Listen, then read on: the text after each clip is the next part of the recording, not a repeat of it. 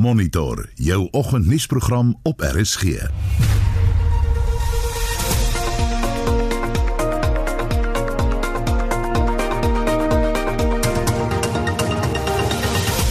vanoggend se program die Khoisan gemeenskap in die Noord-Kaap het die voorgestelde nasionale Khoi en San erfenisroete verwelkom. Ons kan onsself ons stories buite vertel op die erfenisroete. Ons kan nou deel word van geskiedenis. Met ander woorde, ons kan nou ons eie kiosk, ons eie winkeltjies, ons eie museums op erfenisroete uit uh, uitsit. 'n Kommersiële laboratorium het vir die eerste keer ooit die ribonukleïnsuur van die koronavirus uit Riool gehaal.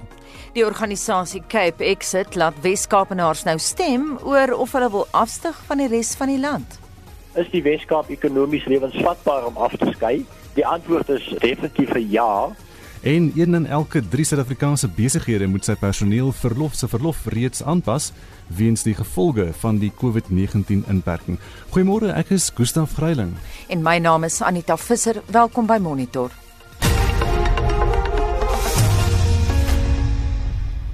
Dis nou so 12 minute oor 6 is ingeskakel by Monitor op RSG 'n oorsig van vandag se koerant voorblaaie vir Maandag die 15de Junie. Die Burger, Beeld en Volksblad vanoggend. Elsa Joubert sterf weens COVID-19 en 'n foto van die legendariese skrywer wat op 97 in Kaapstad dood is. Sy was 'n inwoner van die Berghof aftreeoord in die tuine, maar sy is omstreeks 3 uur in die stad se Medikliniek Hospitaal dood. Haar man is reeds in 1998 dood. Ook in die Burger 'n berig wat sê man hardloop na sy dood in vlamme en dit 'n gruisame tragedie met 'n brandstoftankwa Saterdag in Grabouw. Volksblad se voorblad ook tesourier se hulp nou gevra. Dis die Mangaung Metro Raad in Bloemfontein wat by Pretoria gaan aanklop omdat die metro nie self sy herstelplan kan uitvoer nie. Business Day se fokus is oor die uitspraak van die konstitusionele hof wat gaan lei tot 'n hervorming van die verkiesingsstelsel omdat die onafhanklike kandidaate nou ook nasionaal en provinsiaal verkies moet kan word. Die ou voorstelle van Frederik van Sail Slabbert oor 'n hibriede kiesafdelingsstelsel word onder meer genoem. Daar's ook 'n mooi foto van al die sneeu in die Swaarmoed pas by Ceres en 'n berig wat sê sakeondernemings vra vir 'n volledige heropening van die ekonomie terwyl die kabinet oorweeg om die inperking nog verder te verslap. Internasionaal op bbc.com Frankryk lig sy inperking vir die somermaande soos geen ander land. President Emmanuel Macron sê die land het sy eerste oorwinning teen die koronavirus behaal en is vinnige oorsig van sommige van die grootste nuusstories vanoggend. In die Wes-Kaap is daar nou 'n beweging Cape Exit wat 'n veldtog geloods het om onafhanklikheid eh, onafhanklikheid te kry van die res van Suid-Afrika en van die nasionale regering. Nou hulle sê dit word binne die perke van nasionale en internasionale wetgewing gedoen Dink jy dis 'n goeie oplossing? Dink jy dis 'n goeie idee? Steun jy dit? Laat ons weet. Jy kan 'n SMS stuur na 45889. Onthou dit kos R1.50 per SMS of jy kan gaan na facebook.com vorentoe skansrep ZRSG. En uh, ek herhaal net weer daai nommers. Dis 45889 teen R1.50 per SMS. Inwoners en sake-eienaars van Johannesburg is woedend oor die voorgestelde elektrisiteitsverhoging vir voorafbetaalde gebruikers.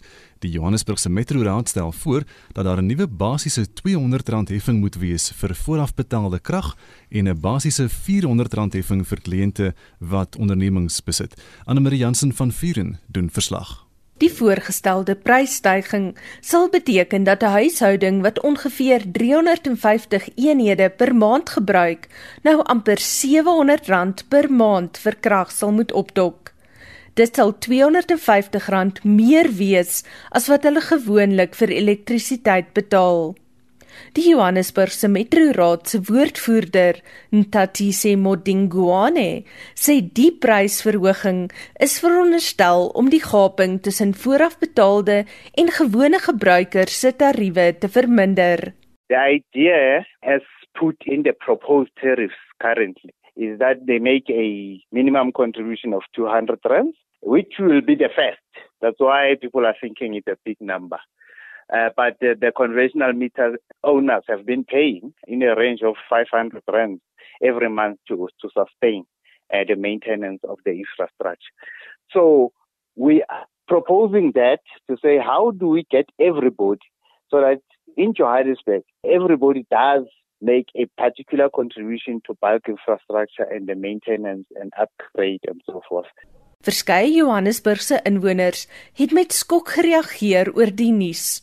Een so 'n inwoner is Ronald Pilay wat ook 'n voorafbetaalde meter gebruik.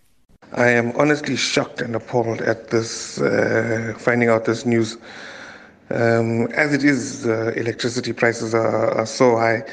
Uh, what I used to pay uh, for my prepaid, uh, I'm now doubling. And especially with this lockdown uh, being around, I really wouldn't have money to, to spend uh, on electricity. So this is this is absurd. I, I, I won't stand for this uh, increase in electricity. Inwoners voel die tariefverhoging kom ook op 'n tyd wat alweens die COVID-19 inperking dit die minste kan bekostig. Nog 'n inwoner, Tabo Sitole, sê hy kon nog nie 'n inkomste verdien sedert die Grendeltyd begin het nie. Hy sê indien die Johannesburgse Metroraad die verhoging goedkeur, sal hy nie meer elektrisiteit kan bekostig nie. We are not at work at this moment. We are staying at home because of this COVID 19. So, uh, 50% where will we get that money from?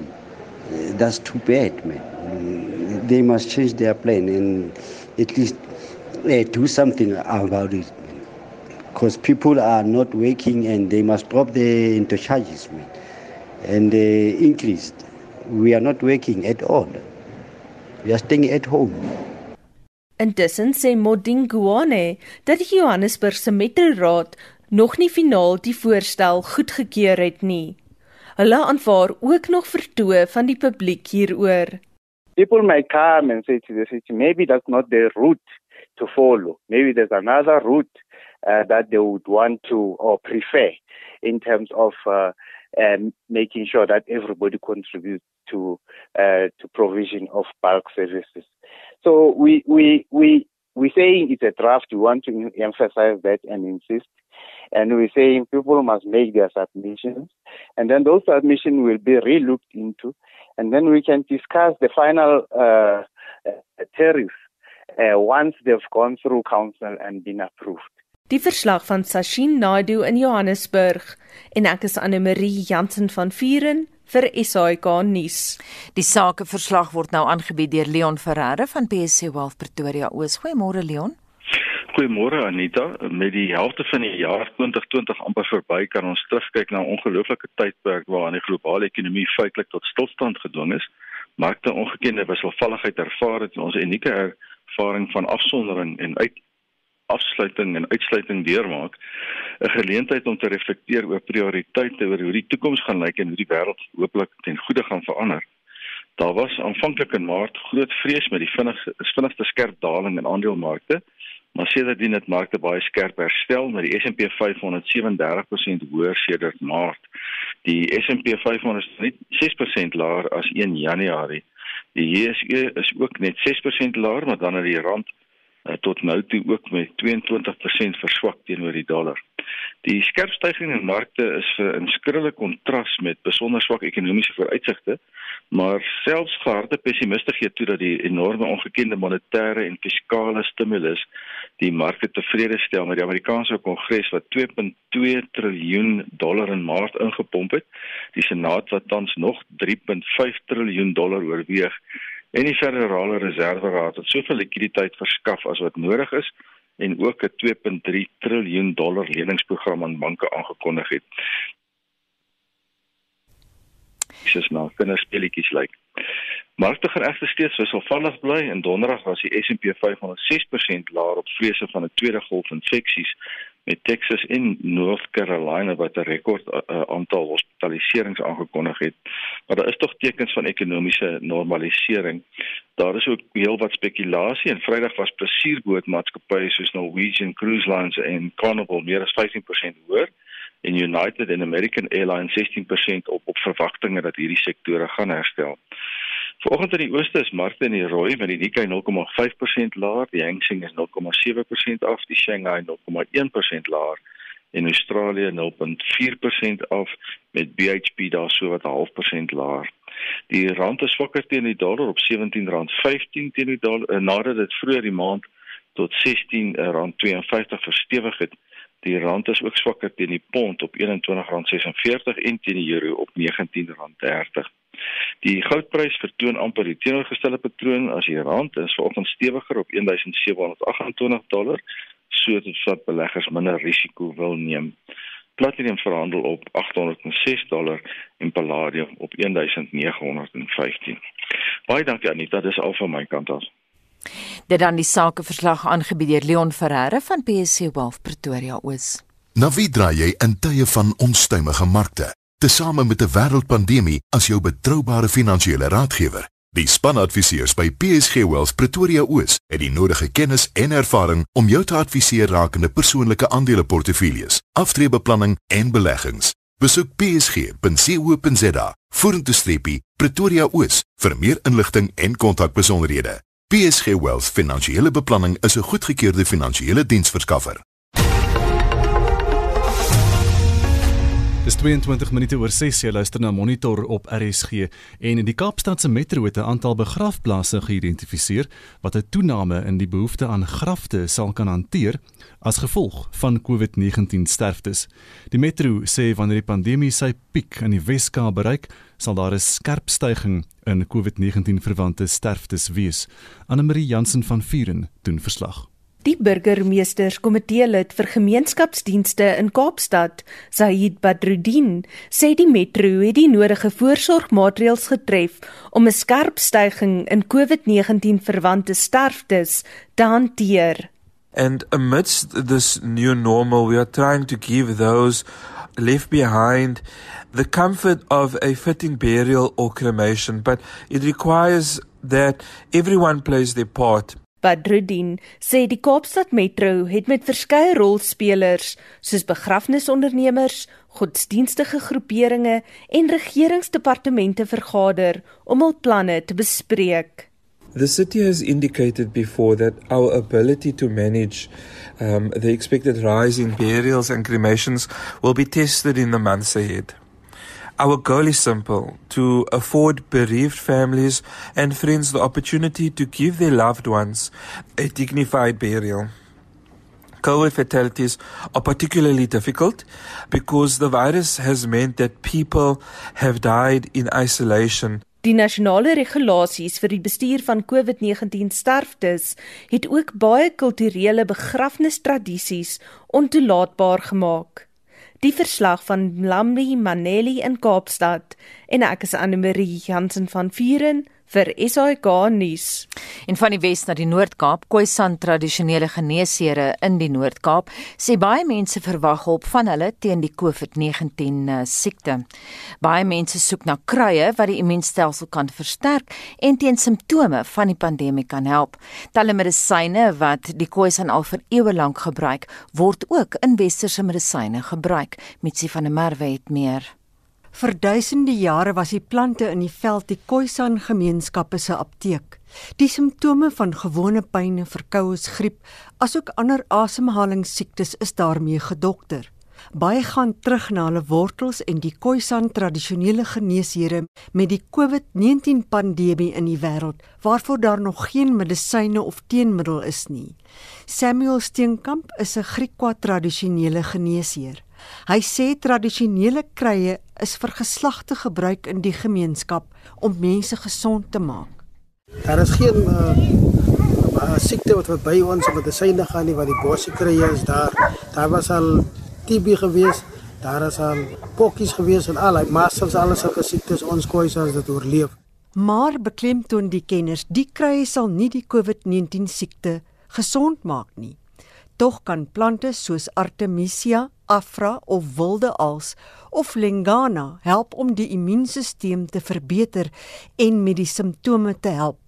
Plante soos Boegu en Leonotus leonorus of wilde dagga kan help om onderliggende toestande wat met die COVID-19 siekte verbind word te behandel. Verduidelik Edward en Leanne Boysen wat Nama tradisionele dokters is. En as jy 'n bietjie hoë bloed of suiker ook bokkend hy het, dan kan jy net 'n stukkie van die wille dagga wat ons ook maar ook die pogo wat ons afmaak en drank, hou ook ons liggaam se gesond teen die virusse teen die in in die koue in die winter ook. Khoisan gemeenskappe sê in die afwesigheid van 'n medisyne vir die COVID-19 siekte behoort wetenskaplikes na inheemse medisyne te kyk om te help in die bestryding daarvan. Dit moet gedoen word met die behoorlike raadpleging en vergoeding van die inheemse kennis. Uri Hendrik het met Khoisan tradisionele geneesere gepraat en Motlapule Murake het hierdie verslag saamgestel. Mitsi van der Merwe SAK nuus. Dis nou 26 minute oor 6 in die KwaZulu-Natal se bewaringsliggaam SMVelu, asook die Isimangaliso Vlei-land Park owerheid, sê hulle maak nou reg om verskeie parke en wildreservate vir besoekers oop te maak. Weens die nasionale inperkingstyd is hierdie parke al vir 2 maande lank gesluit. Terwyl staptoere en wildritte toegelaat word, bly akkommodasiefasiliteite eers gesluit. Anne Marie Jansen van Vuren het meer. Natuurliefhebbers sal binnekort weer in hul gunsteling natuurreservate kan gaan stap of wildritte onderneem. Die minister van toerisme, Mamoloko Kubai Ngubane, sê sekere dele van die toerismebedryf gaan nou geleidelik tydens vlak 3 van die inperking oopgemaak word. Die woordvoerder van Esemvelu Wildbewaring in KwaZulu-Natal, Musa Ntambo, sê hulle het reeds van hulle wildreservate oopgemaak. Volgens hom is al hulle personeel opgelei om streng die vlak 3 maatreëls na te kom.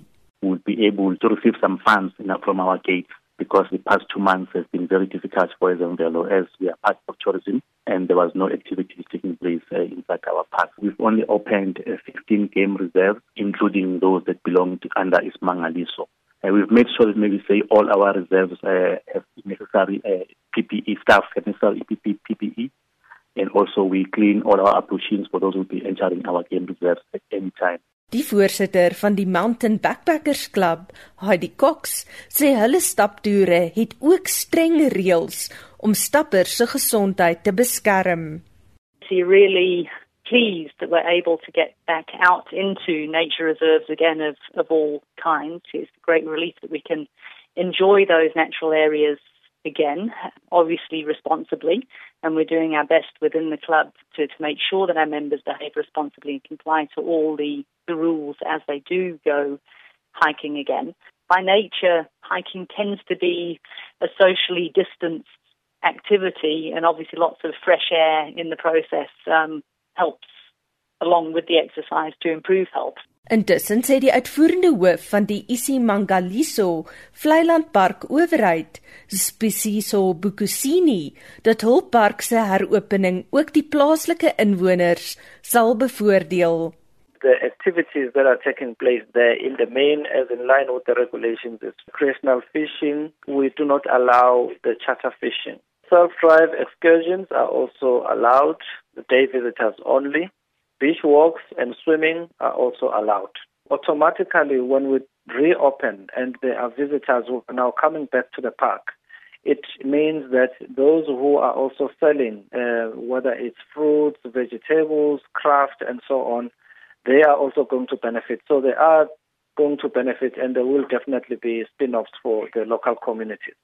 Die verslag van Vanele Mglongu in Durban en ek is Anne Marie Jansen van Vuren vir SAK nuus. Jy luister na Monitor elke weekoggend tussen 6 en 8. Dis half 7 en in die nuus die getal bevestigde COVID-19 gevalle in Suid-Afrika het die 70000 kerf verbygesteek. Khoisan tradisionele geneesere in die Noord-Kaap sê baie mense verwag hulp van hulle teen die COVID-19 pandemie.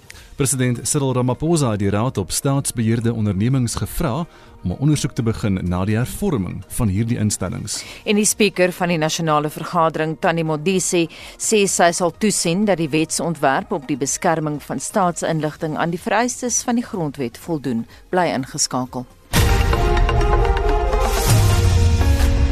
Daar is geen verkeer. In hierdie stadium min wat aangaan in die verkeer, maar in Kaapstad 'n voertuig wat staan op die N2 inwaarts op die hospitaal draai. Die linkerbaan is versper daar, so wees versigtig as jy daar om die draai gaan by die hospitaal.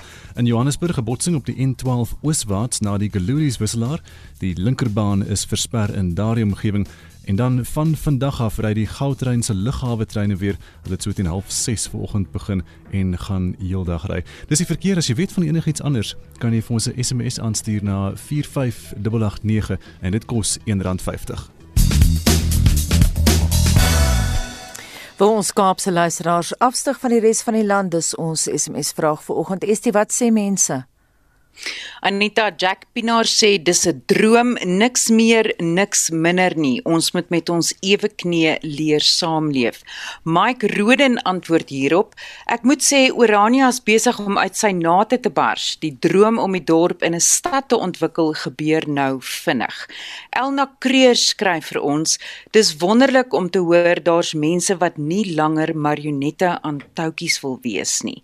En Pieter Olivier sê Ek dink dit sal slaag. Voeg die Noord-Kaap daarbey, skep 'n deelstaat wat in 'n federale verband met die res van Suid-Afrika kan funksioneer.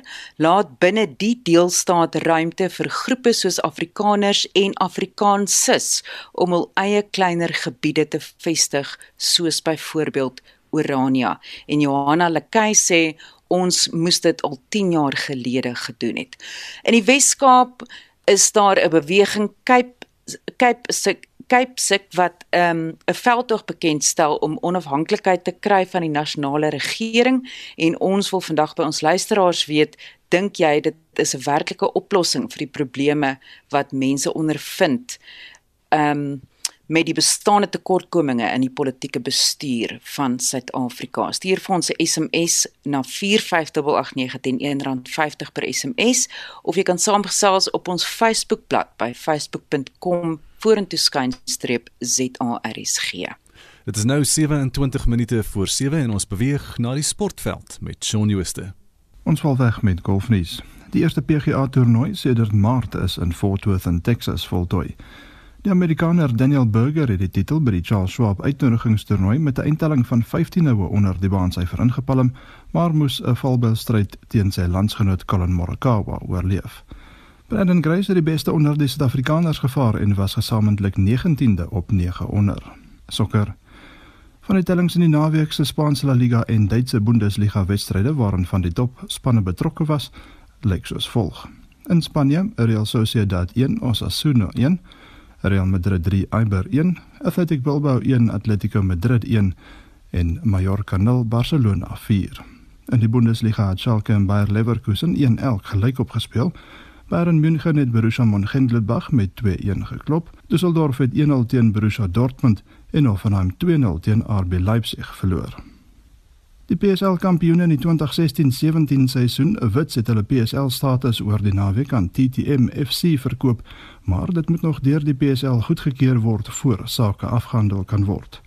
Wits sal dus nie langer bestaan nie en die nuwe naam sal Chukwumacha Madzivandila FC wees. Die Thohoyandou Stadion in Limpopo sal as hul tuisveld gebruik word. Wits sou hulle 100ste bestaanjaar in 2021 vier.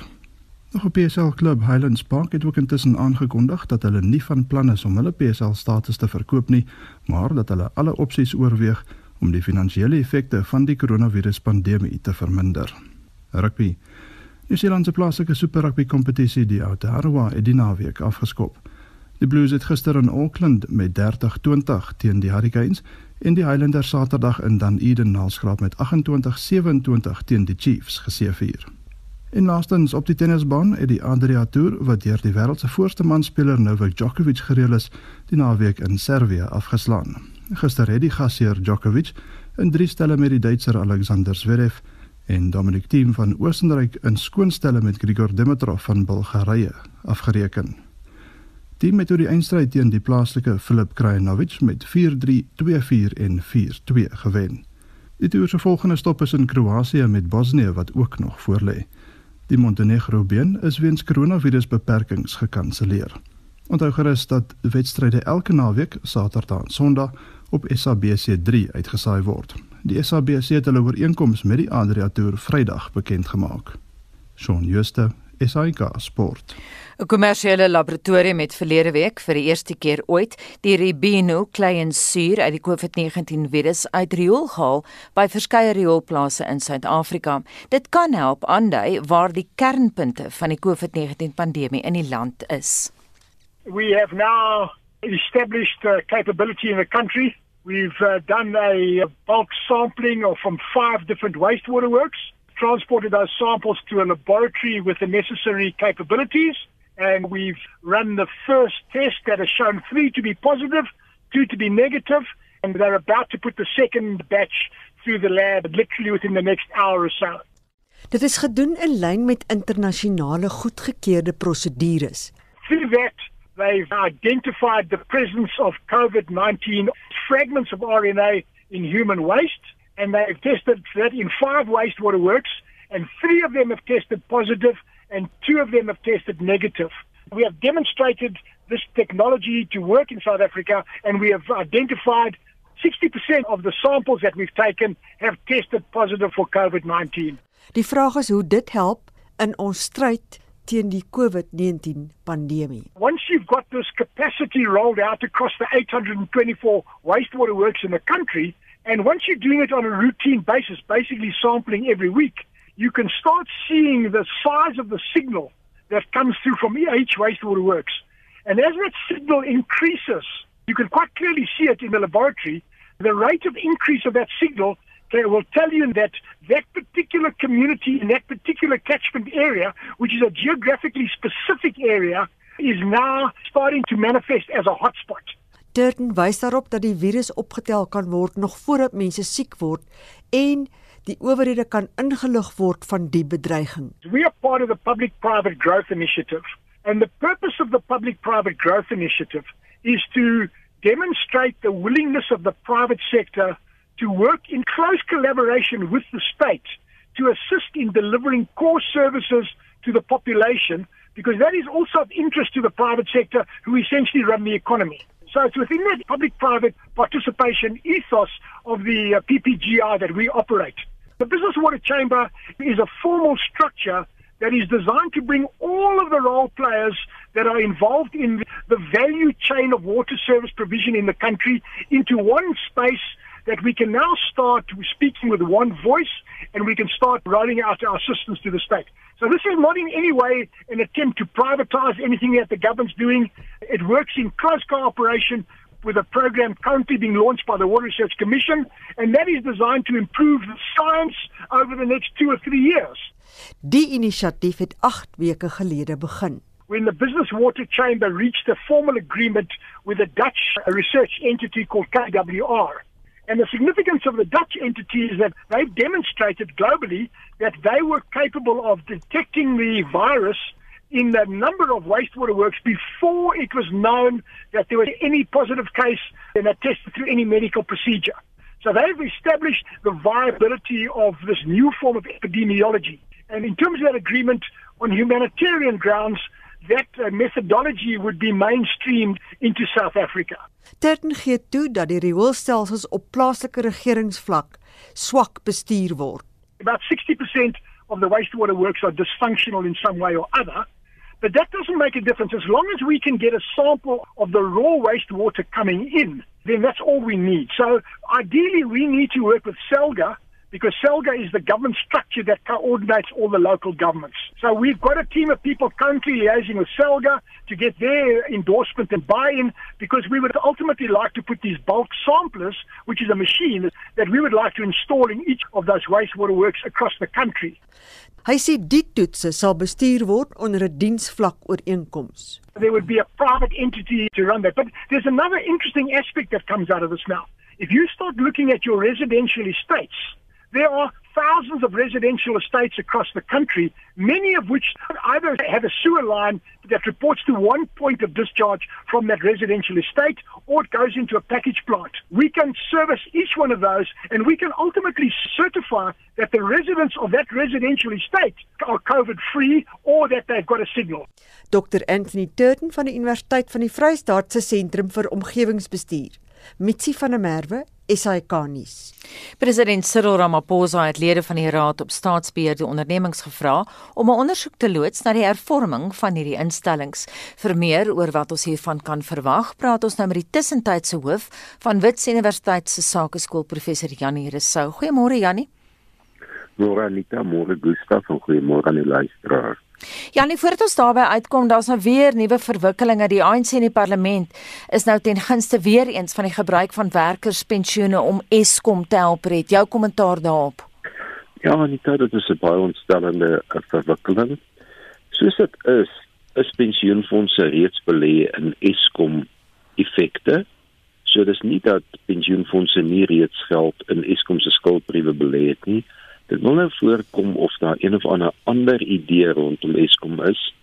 Daar's egter geen deursigtigheid hieroor nie, maar dit is waarskynlik aandele in Eskom of lae rentekoerse op effekte wat Eskom uitreik. So ons het dringend duidelikheid hieroor nodig want dit is natuurlik die eienaars van die pensioenfonde, naamlik die werkers wat hier op risiko is. Janie, hoe bekommerd met Suid-Afrikaners met privaat pensioene wees? Uh, dit is tyd om bekommerd te raak hieroor. Dit is tyd dat die regering vir ons deursigtigheid gee. Ons hoor hierdie losse stellings, die ANC in die parlement maak stellings, Kusatu maak bestellings. So tot tyd terwyl ons groter deursigtigheid het oor presies wat die regering beoog, sal ons baie waaksaam moet wees en sal ons moet kyk dat ons belange beskerm word. Sou hierdie nuwe raad byvoorbeeld kon voorstel dat uh, eh, SAL gesluit kan word of Alex Kor gesluit verkoop moet word, het hulle soveel magte of gaan dit so ver gaan dink jy?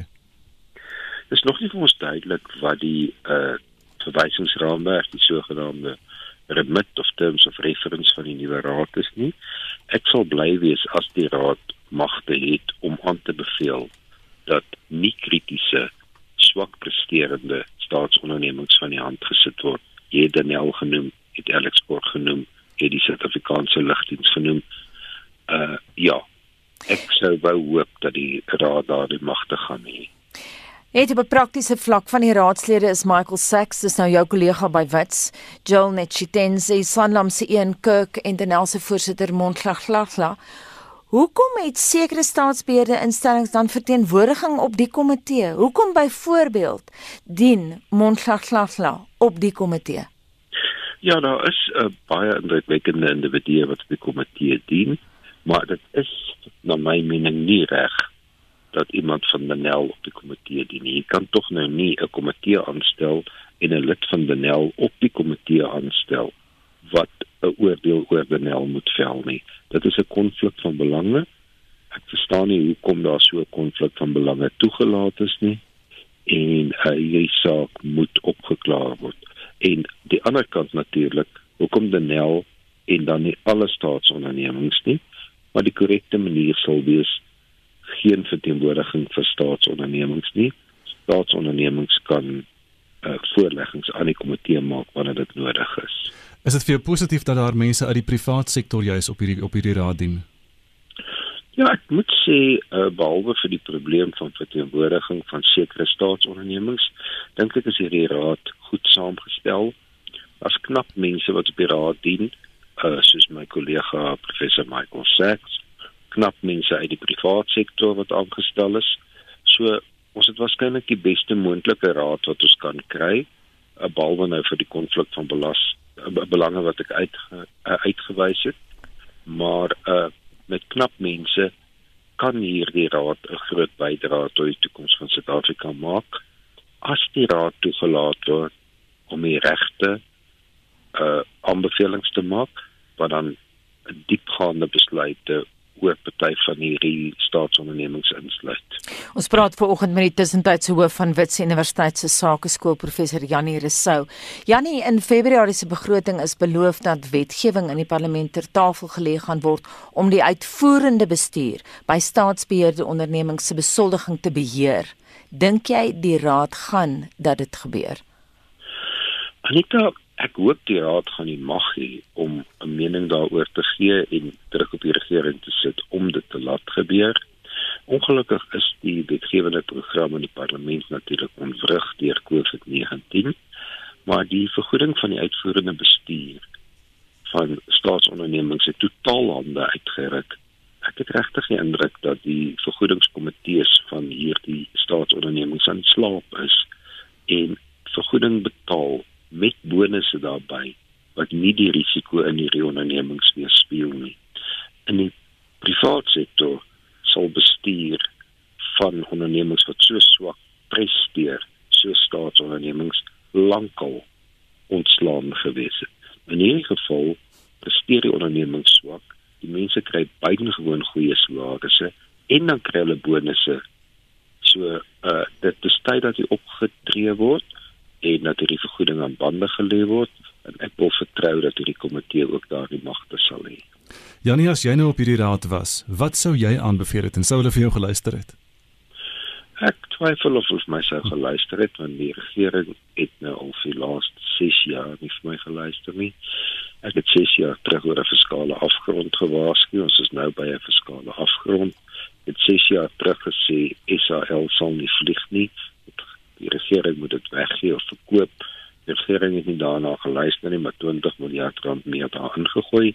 So aan die een kant ja, hulle sou nie vir my geluister het nie. Aan die ander kant wat ek sal aanbeveel is dat hulle onmiddellik ontslaa raak van die staatsondernemings wat die belastingbetaler geld kos. Terloops, Gustaf, ons moet net onthou daar 720 staatsondernemings mm. ongeveer. Ons weet maar net so van 10 van hulle wat problematies is, maar daar's van hulle wat nog goed bestuur word en daarmee dit goed gaan. Maar dan moet ons kyk na die 10 wat problematies is. Ons weet Eskom is krities vir Suid-Afrika se voortbestaan en natuurlik sal ons Eskom moet hou, maar van die ander moet ons gewoon ontslaa raak. Dan in die geval van Eskom sal ek onmiddellik aanbeveel dat Eskom se direksievergaderings vir die publiek oopgestel word. Eskom is immers 'n monopolie. Daar's nie mededingers vir Eskom nie en Eskom word bedryf ten voordeel van die Suid-Afrikaanse publiek ten koste van die Suid-Afrikaanse belastingbetalers. So daar kan niks vertrouliks by Eskom wees nie.